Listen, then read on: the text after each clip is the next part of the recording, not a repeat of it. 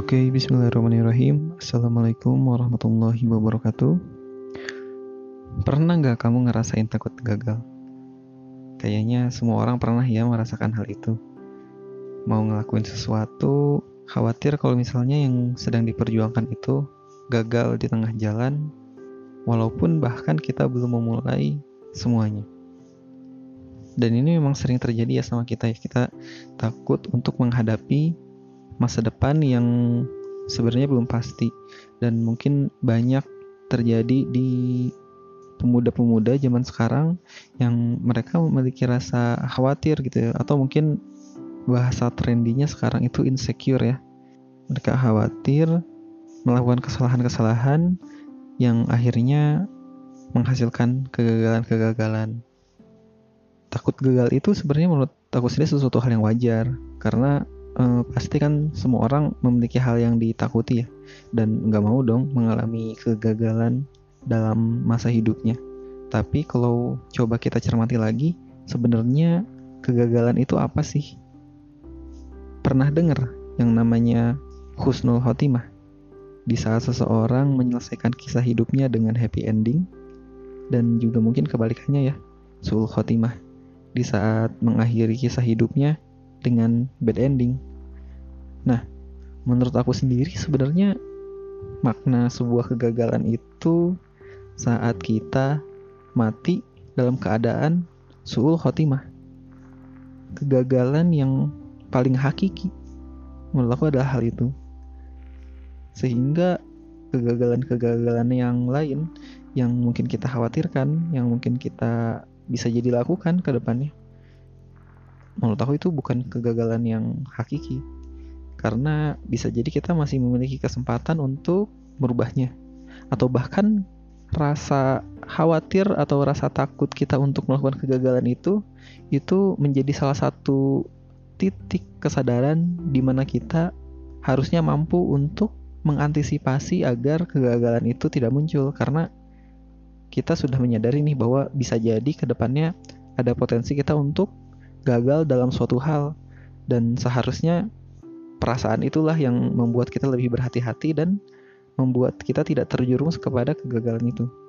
Nah, makanya aku sih ngerasa gitu ya, selama apa yang kita lakukan itu tidak mendekatkan kita kepada kegagalan yang sesungguhnya gitu ya, kepada seluruh khatimah. Maka aku ngerasa itu bukanlah suatu kegagalan. Mungkin ada masanya kita memperjuangkan sesuatu di dunia gitu ya. Entah itu mungkin ingin memiliki karir yang baik, mendapatkan uang yang banyak mungkin atau mendapatkan kehidupan yang mudah gitu. Tapi ternyata selama keberjalanannya tidak terjadi hal seperti itu gitu. Entah mungkin karir kita biasa-biasa aja gitu ya.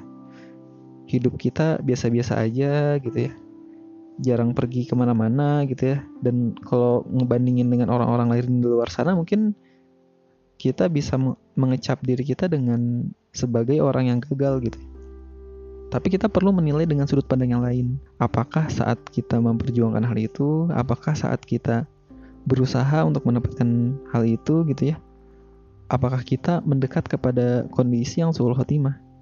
Aku rasa selama kita memperjuangkan semuanya selama kita memperjuangkan karir, kehidupan, kebahagiaan itu dengan berusaha untuk terus berada di jalan yang benar, terus berada di jalan Allah, sekalipun memang hasilnya tidak sesuai dengan harapan kita, justru mungkin bisa jadi itu adalah sebuah keberhasilan. Karena yang kita lakukan terus-menerus adalah kita berusaha untuk terus mendekatkan diri kita kepada Allah gitu ya. Sekalipun memang kita mengalami kegagalan, di situ ada sebuah celah kita untuk terus mendekatkan diri kita kepada Allah dengan bersabar. Contohnya, atau mungkin kegagalan itu bisa menjadi sebuah momen kita untuk menjadi manusia yang memberikan usaha yang lebih keras untuk meraih ridhonya. Jadi, aku rasa kita nggak perlu takut gagal lagi ya untuk memperjuangkan segala sesuatu yang kita usahakan saat ini. Selain kita takut bahwa ending kehidupan kita berakhir di suul khotimah. Nauzubillahi min dari. selama masih ada waktu kita untuk berusaha, selama selama masih ada waktu kita untuk berjuang, gunakan waktu tersebut untuk terus melakukan banyak hal, untuk terus mencoba hal baru, untuk terus mendekatkan diri kita kepada Tuhan yang satu. Mungkin cukup sekian. Terima kasih. Wassalamualaikum warahmatullahi wabarakatuh.